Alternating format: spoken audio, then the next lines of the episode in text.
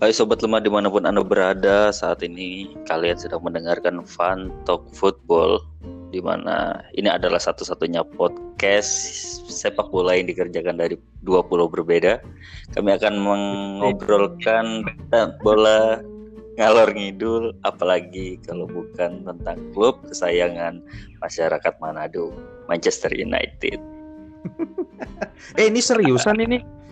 Seriusan? Podcast pertama yang dibuat di dua pulau berbeda ya? Nggak Oh, tahu Wah kita, saya merasa terhormat sekali seperti ini. Bukannya terhormat Ini kayaknya satu-satunya podcast yang paling nggak modal deh Ya betul, podcast paling maksa ya. Yang Iya mau ngejar apa sih? Mau ngejar eh, masa gitu dengan terburu-buru. Dalam arti ada persiapan, tidak ada modal dan dikerjakan ya berbeda provinsi itu. Luar biasa. kan kalau kebanyakan podcaster kan pakai studio, pakai mic yang bagus. Em, mic Ya, yang ada kita gimana? itu kan. Mm, Kita kita bukan hanya nggak punya mic, tapi kita memang beda pulau gitu kan. Gimana mau ketemu? beda pulau dan juga ini kalau misalkan bisa dilihat kita juga ini ya podcastnya sederhana sekali gitu. Saya nggak boleh ngidupin Iya. kipas gitu kan. Mandi keringat di sini gitu. Situ rekamannya harus diam-diam gitu. Ini luar biasa ini. Podcast yang luar biasa. ya. Oke, kita sudah hampir satu menit curhat kayaknya cukup. Iya betul. Mohon maaf ya sebelumnya. Oke, eh, tapi emang pembawaan kita nggak bisa seramai podcaster biasa sih.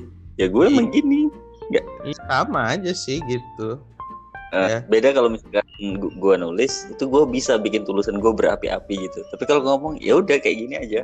Nah betul. Sama gue juga. Oke, gue ada satu statement pembuka. Asik. Ya, yang saya inginkan adalah untuk menjadi kapten tim Manchester United. Jesse Lingard 2019. Waduh. Mengerikan. Waduh. Luar biasa. Ya pemain- dan pemain yang sangat luar biasa ya. Oke dan di episode ini kita akan full membahas tentang Jesse Lingard ini. Yang kebetulan ini baru ada hitung-hitungan keluar nih, real count-nya keluar nih. Selama satu tahun kalender 2019, Lingard nggak bisa buat satu gol atau assist pun untuk MU di Liga Inggris. Luar biasa. Luar biasa. Dialah calon kaptenku, dialah calon kaptenku. Dan ini perlu diingat loh, perlu diingat Cristiano Ronaldo dan Lionel Messi itu nggak bisa loh bikin rekor kayak begini loh. Nggak bisa, nggak bisa. Bisa loh bikin rekor kayak begini, hebat banget emang. Hebat. Salut, salut, salut. Oke, but anyway, banyak muncul pertanyaan kenapa Lingard masih dimainkan oleh Ole dan gue tahu setahu tahunya kalau kita punya pendapat yang beda soal itu. Ya.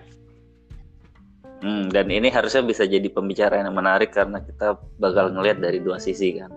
Ya betul betul. Oke, tapi sebelumnya kita harus memperkenalkan dulu sang pemilik suara ini. Oh masih masih harus diperkenalkan ya? Iya, lu jangan merasa lu udah terkenal deh. Iya betul betul betul.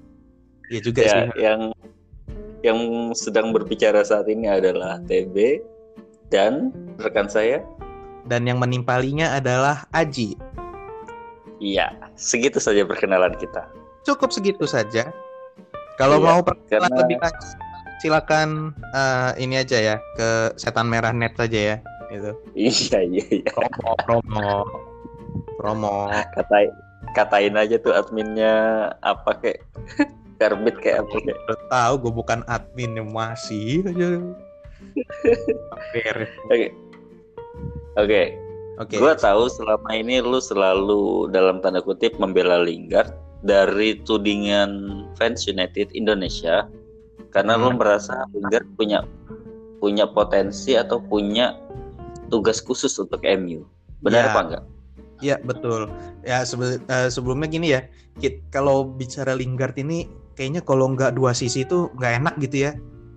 Mm-mm. Maksudnya Rashford ya lu nggak bakal bisa dapet orang yang ngebully Rashford sama sama jumlah masanya dengan yang ini yang membela gitu malah mungkin cenderung banyak yang bilang Rashford ya bagus gitu nggak ada kekurangannya cuma kalau Lingard ini kayaknya wih luar biasa kayaknya kalau gue ngeliat perdebatan perdebatan perdebatan sengit itu kan gitu. gitu. Hmm, dan sebenarnya menurut gue wajar kalau ada kebingungan di mata fans kok ngapain sih Lingard masih dimainkan kan gitu. Iya betul. betul dan oke okay. untuk gue pribadi Lingard absolutely unless. Gak ada guna berarti. Enggak ada. Astaga. Eh kalian itu ya yang menghina Jesse Lingard yang memberikan kata-kata nyelekit itu jahat no. Eh, gua gua nggak menghina, gua nggak menghina ya. Kan. Gua nggak menghina. Itu Tapi menurut gua memang harusnya MU nggak punya Lingard. itu aja gue gue pertama ya jujur ya gue pertama ketemu bukan ketemu ya ngelihat Lingard gitu kan. Maksudnya pas musim 2015 2016 ya yang dia mulai ketemu performanya kan sama Louis van Gaal kan. Itu uh. wih anjrit nih pemain nih. Gila gue baca perjalanannya kan dia berapa kali kan dipinjem-pinjemin terus kan. Ke Brighton lah ke Derby County lah terus ke mana lagi gitu. Terus dia cuman buat ke United doang. Wah ini ini orang ini banget sih maksud gue perjalanannya jempol banget gitu. Eh cuma uh, sampai makin ke sini makin ke sini kok gue lebih, lebih banyak istighfar gitu ngeliat Lingard main gitu. Kan kayak aduh ya Allah gila itu gue itu sih. Tapi lo ingat nggak waktu di zaman Louis van Gaal itu Lingard ini dijuluki the next Iniesta lo oh iya? Gue udah agak iya. lupa sih gue gue gak lupa, iya. gak lupa sih cuma gue ingatnya waktu itu Lingard itu mau dibeli Chelsea katanya Iya. Yeah. Eh, waktu dulu, gue gue gue lupa deh yang Lingard disebut Iniesta nih mungkin gue harus bakal, bakal ini lagi ya buka-buka arsip lagi gitu. Oke, uh, oke. Okay. Okay. Jadi apa argumen lo kenapa Lingard itu nggak sesuai yang dituduhkan oleh fans? Kalau gue begini, uh, oke okay lah ya satu tahun ini gila sih nih orang nol gol nol asis lo gitu. Ya di Liga Inggris. Iya di Liga Inggris untuk pemain yang uh, kapasitas permainannya di lini tengah ke depan yang mana lu punya kesempatan buat membuat asis sama membuat gol meski nggak terlalu sering. Ya, begitu, tapi kan? ekspektasinya harusnya itu di posisi itu. Iya di di posisi itu kan gitu ya gue juga agak agak was, aduh makanya gue gue banyak istighfar gue kalau ngeliat statistiknya Lingard kan. Bayangin loh Lingard dibandingin sama pohon yang baru. Pohon masih berkontribusi daripada Lingard katanya. Gila enggak tuh? Enggak sih enggak gila itu. Pohon ngasih oksigen Lingard nggak ngasih apa-apa katanya. Wah gila itu banget. Itu gue gue gue secara pribadi memang uh, dari fans awam ya maksudnya dari fans awam gue juga sebenarnya agak ini gimana sih ini si pelatih Solskjaer? Kok masih mau gitu ya ngasih kesempatan ke Lingard lawan Astana dia yang diutamakan loh meskipun gerbong anak-anak muda dia suruh jadi pemimpin kayak begitu tuh. Dan gue agak kaget gitu ketika ngeliat nol gol nol asis cuman karena gue di satu sisi uh, bekerja di sebuah media itu kan jadi otomatis gue harus dituntut buat nyari nih uh, apa yeah. uh, ada nggak sih yang masih bisa dikulik lagi dari si nomor 14 ini gitu yang bajunya laku banget katanya sih gitu kan? Diulik atau jadi bahan pembela? Ya sebenarnya gini Solskjaer itu uh, entah entah mungkin banyak yang belum tahu gitu ya. Solskjaer itu dari bulan Juni lalu udah ngomong udah ngomong kalau uh, dalam secara harfiah dia ngomong kalau gue ini nggak mengharapkan Lingard ini jadi tukang ngegolin atau enggak tukang ngasih asis gitu. Karena yang yeah. lihat dari Lingard adalah kemampuan dia pressing, kemampuan dia menjelajah. Dia kan all ini banget tuh kan, penjelajah banget kan gitu. Dia ngelihat yeah. kemampuan penjelajah dia, kemampuan pressing dia dan itu berguna buat ngadepin lawan yang Oke, bentar, bentar, bentar, bentar. Uh, gimana kalau kita ganti kosakata penjelajah diganti tukang lari aja? Oh, boleh, siap gitu. Justru gue mencari mencari kata-kata itu, kata-kata yang gampang dicerna. Gitu. Jadi si Ole ini ngelihat Lingard ini punya kemampuan lari yang mumpuni gitu. Dia bisa mau lari ke mana gitu, ayo gitu mau kita mau ngitarin satu lapangan penuh, ayo gitu.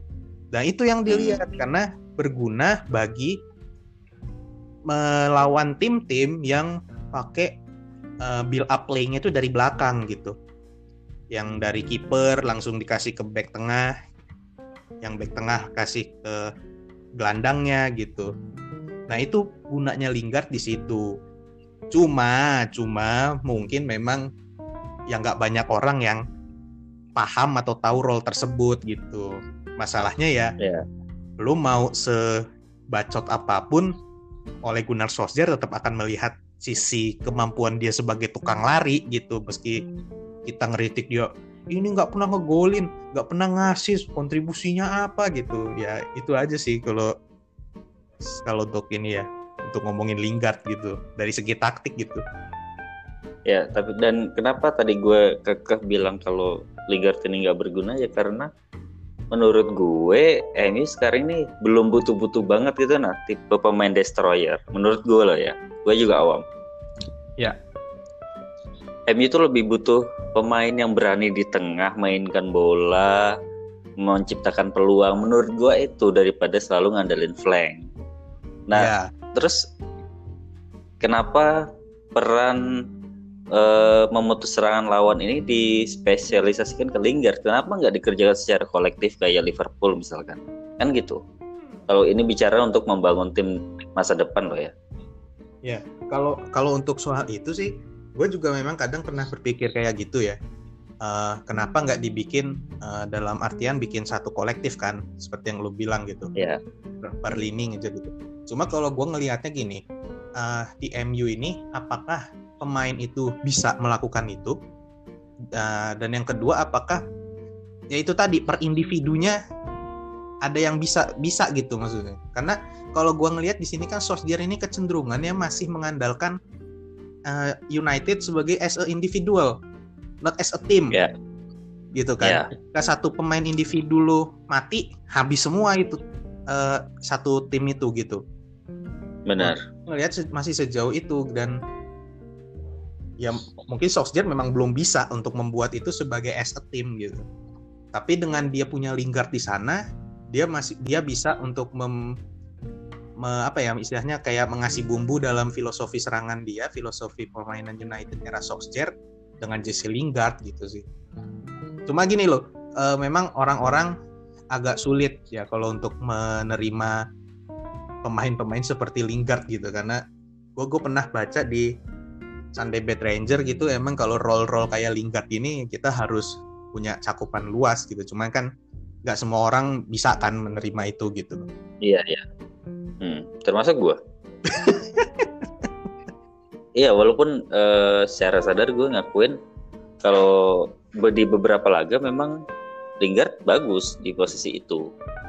Ya. Cuma di banyak laga lainnya. Banyak laga lain. Hilang. Oh, iya hilang. Hilang. Memang ya, balik lagi ke kayak masalah konsistensi sih. Sama ya memang situasi MU sekarang ya itu tadi lu lebih banyak main sebagai as a individual nggak nggak sebagai tim. Mungkin kalau misalkan United punya tim yang dalam artian bagus gitu ya uh, oke okay, misalkan contoh Liverpool ya uh, dengan tim yang dengan tim yang kompak ya mungkin Lingard nggak bakal banyak kena dalam tanda kutip kena serangan verbal gitu kan. Mm -hmm seperti itu sih. Cuma ya itulah uh, maksud gue ya sabar-sabar aja lah kalau dengan dengan kayak gini gitu. Maksudnya Solskjaer udah pernah bilang uh, dia nggak akan mempermasalahkan. Ini gue gue udah empat setiap kali gue bikin tulisan tentang Lingard gue nggak lupa loh ngisipin pesan itu gitu sebagai sarana buat edukasi juga gitu. Buat edukasi juga biar maksudnya gini lu lu boleh deh lu boleh deh nge ngebully Lingard gitu ya gue gue kadang-kadang juga ngebully gila lo satu lawan satu masa nggak masuk? Dan dengan dengan situasi kiper udah ngasih space banyak kan gitu. Itu yeah. lu banyak eh, di match of the day di match of the day BBC itu sampai dibikinin loh panah-panahnya harusnya Lingard tuh ke mana? Dan bukan Nah, itu. Itu sih. Tapi di sisi lain ya kita harus lihat juga karena eh, pemain kan dipilih pelatih pasti ada kegunaannya kan gitu. Meskipun Iya. meskipun memang sulit diterima dengan dengan akal kita gitu. seperti itu sih kalau gue melihat Lingard tuh. Gue gue di situ sisi kalau Lingard main jelek gue gue gue olok-olok habis itu pagi waktu lawan Watford. Gila aja posisi gitu. Masa bayangin 2017 lu bisa ngegolin di jala gawang yang sama dengan bertingkah seperti Lionel Messi tapi di 2019 lu nggak bisa dikasih gawang lebar lu malah chip bola ke atas tuh kan. Memang anjing banget itu pemain gitu. Waktu gue gue nonton itu gue inget banget sampai anjing nih pemain nih gitu kayak gitu sih. Ya, eh, tapi memang memang benar. Lingard memang secara setas apa sih statistikal ini secara apa Rush belibet menurut Huskor ya eh, kekuatan utamanya Lingard tuh memang holding on the ball sesuai sama peran sekarang kan. Mm-mm. Nah, tapi gini, jangan lupa bahwa Lingard ini punya kecepatan, Mm-mm. ya kan? Dia punya da- daya jelajah yang tinggi juga, punya fisik yang menurut gua eh, mumpuni juga Iya, untuk benar. di IPL. Kenapa dia nggak difungsikan untuk eh, pembuka ruang, mencari celah atau segala macam? Lo ingat nggak waktu derby Manchester eh, tahun lalu yang kita menang berapa ya? 3-2 kalau nggak salah ya. oh itu dua dua tahun lalu kalau itu Yang siapa? Pogba ya? Pogba kan Pogba Brace kan? iya Pogba Smalling iya 2018 bulan April Oh, kita iya. musim lalu Ah. nggak menang sama sekali lawan City Hmm. Nah, Itu kalau lu coba korek lagi pertandingan itu, ke- kebanyakan golnya MU adalah saat eh, company atau backnya siapa gitu ditarik keluar sama Lukaku. ya Jadi ada celah untuk Pogba sama Smalling. Hmm, hmm, hmm. Maksud gue kenapa nggak Lingard difungsikan sebagai itu? Nah, apalagi katanya Solskjaer, Solskjaer eh, menganut menganut permainan menyerang kan. Ya, sebenarnya gini, kalau gue ngelihat so- eh, Lingard ini difungsikan sebagai eh, pemecah.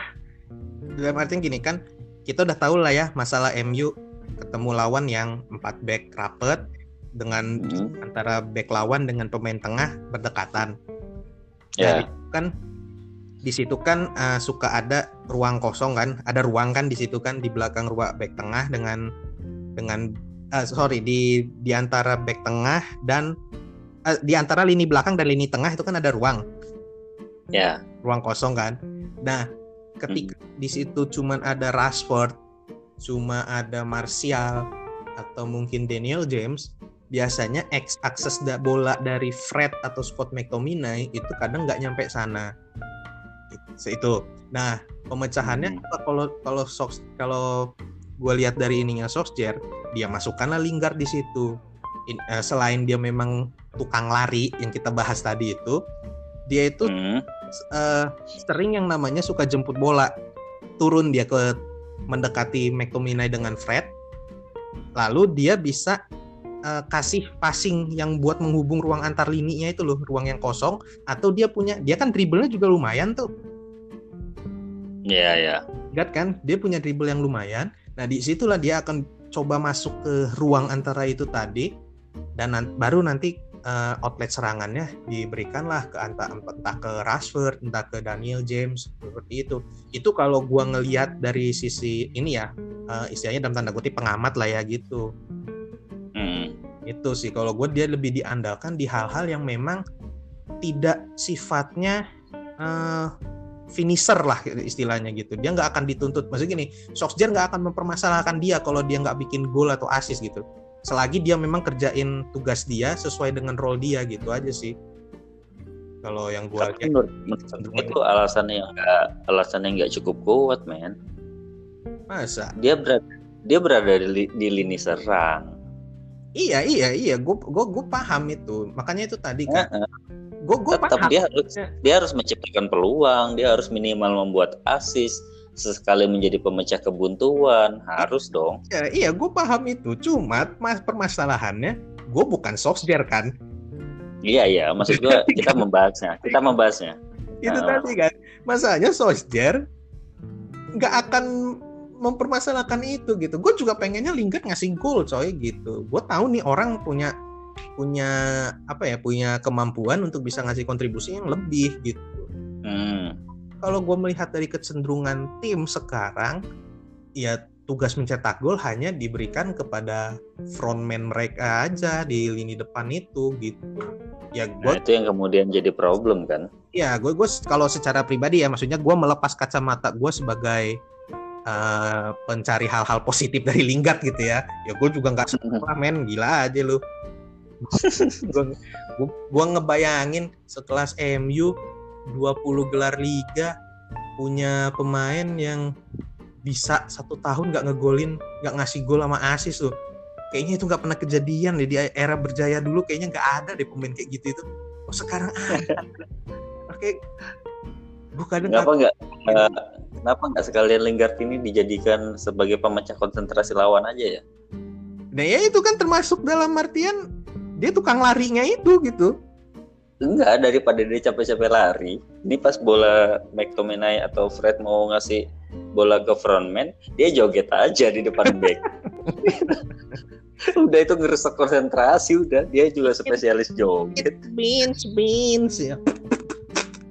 Kan beans beans beans. Ya, oh, si anjing emang satu. Oke okay, dari pembicaraan ini gue akhirnya menarik satu kesimpulan baru yaitu apa berupa pertanyaan apakah. Lingard yang betul-betul no atau dia ditempatkan oleh strategi yang salah hmm. itu pertanyaan pertanyaan itu ya Iya, kesimpulannya sebuah pertanyaan. Sebenarnya sebuah pertanyaan ya, apakah Lingard emang benar-benar seabsurd itu gitu ya? Hmm, atau, atau memang pelatihnya nih? Memang pelatihnya ya, ya itu tadi sih. Kalau kayaknya saling ngelengkapin deh. Kalau misalnya tuh gue gue juga gue juga mesti mesti ini lagi nih mesti ngelihat ngelihat apa yang ngulik-ngulik lagi lebih dalam. Tapi sejauh ini kayaknya itu sih.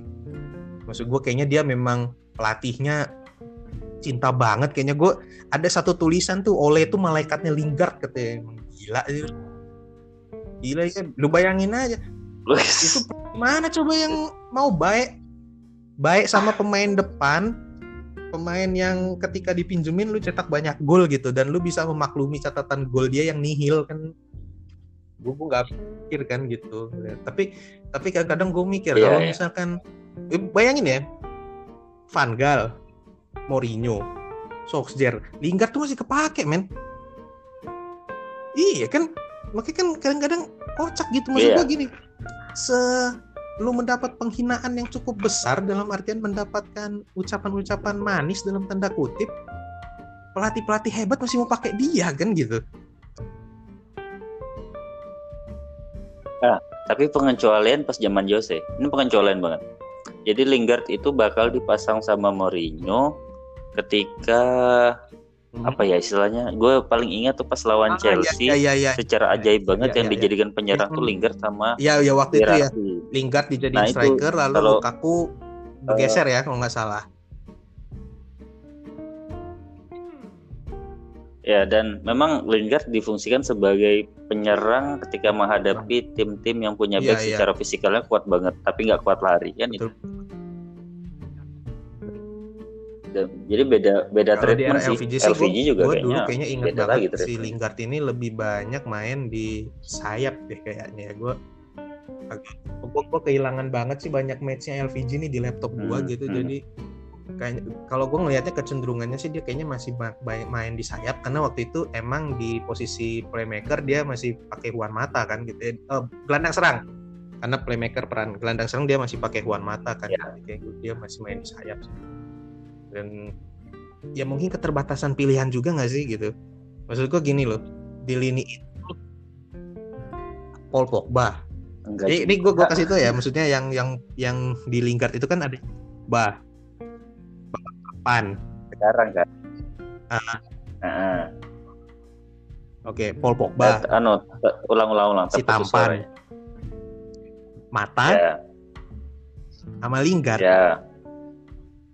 Iya kan? Hmm, Hmm, Yang maksudnya di luar di luar pemain. Iya. Dan sebe- dan sebenarnya ya. eh, Fred, Ya, dia Fred bisa juga seperti bisa. itu. Waktu Cuman di Shakhtar kan Fred di eh, posisi karena dia sekarang kan sudah klop dengan McTominay kan kayaknya gue gua nggak yakin di utak atik lagi gitu seperti yang gue bilang cuman empat Ya. masalah keadaan gitu loh Pogba dia dari musim panas sudah banyak masalah kan dari yang mau tantangan baru lah cedera segala macam Andreas ya kita tahu lah Ya, itu ya. anak gimana lah itu kan kualitasnya bagaimana Juan Mata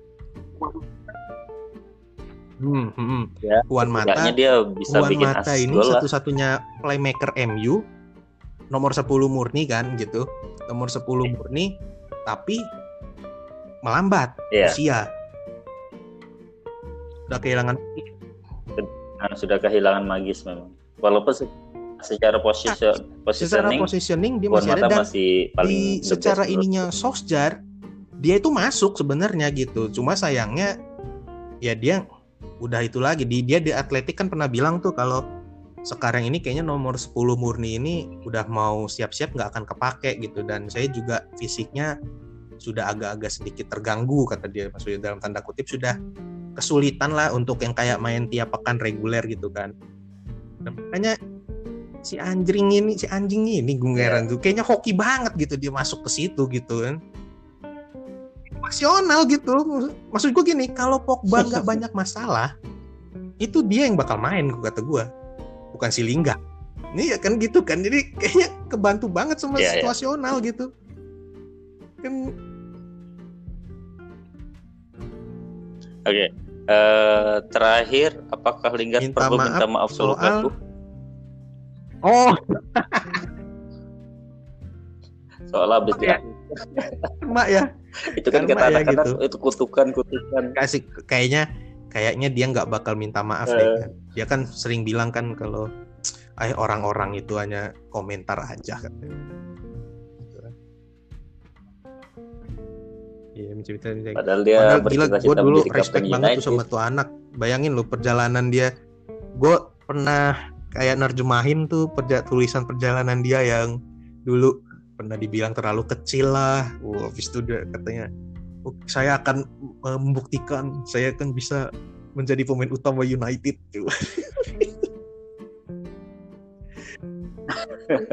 ya bisa sih, Ya udah, cuman nyebelin gitu kan.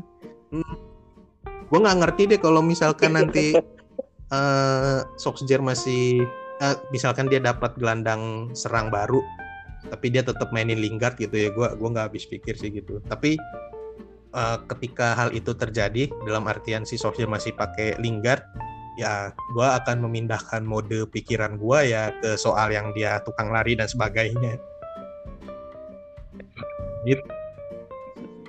Oke, eh, oke, ini udah berlarut-larut nih ngomongin satu ini orang aja spesial loh makanya anjir. wah ini Lingard kalau denger ini beneran gue minta endorse ini podcast gitu dua setengah jam sendiri loh Oke, eh, i- biasanya kan lu kalau ngomongin soal Lingard selalu ya sudah sabar aja nikmatin. Apa? aja. Tapi kali ini gue minta beda. Lu ajukan satu pertanyaan ke pendengar soal Lingard. bebas apa ya Bebas. Hmm, apa ya? Gue gue bingung nih. Saya Misalkan, jadi menurut kalian Lingard itu oh ya. jelek? Oh itu gini contoh. aja sih gue mah. Kalau misalkan Hah? musim depan, ini misalkan ya, misalkan, ini jujur gitu, Hmm. jujur. Eh, bagi yang nggak suka sama Lingard, misal musim depan nih, Solskjaer bikin keputusan, eh, Lingard kapten ketiga, kan? Nah, Waduh. apa reaksi lu lu, lu semua yang haters hatersnya Lingard ketika tahu kalau Solskjaer bakal mengumumkan oke ini susunan kapten pertama kita musim depan dengan asumsi Yong keluar ya. Satu Harry Maguire. Wah. Dua eh, Axel Tuanzebe wah. Tiga Jesse Lingard. Wah apa reaksi reaksi kalian semua ketika mendengar Solskjaer mengumumkan Lingard menjadi kapten ketiga United musim depan. Nah, itu. Oke, Ya. itu itu perlu perlu kalian jawab, guys. Oke, ini sudah 30 menit. Padahal ini kita sama sekali nggak bahas soal kelakuan di Tanggal, luar kita udah lapangan, tahu lah tapi udah kelakuan di luar lapangannya kayak gimana ya itu. Hmm. Gitu aja. Hmm. Dan ya oke, Oke, kita akhiri. oke, bye bye. Okay, bye bye.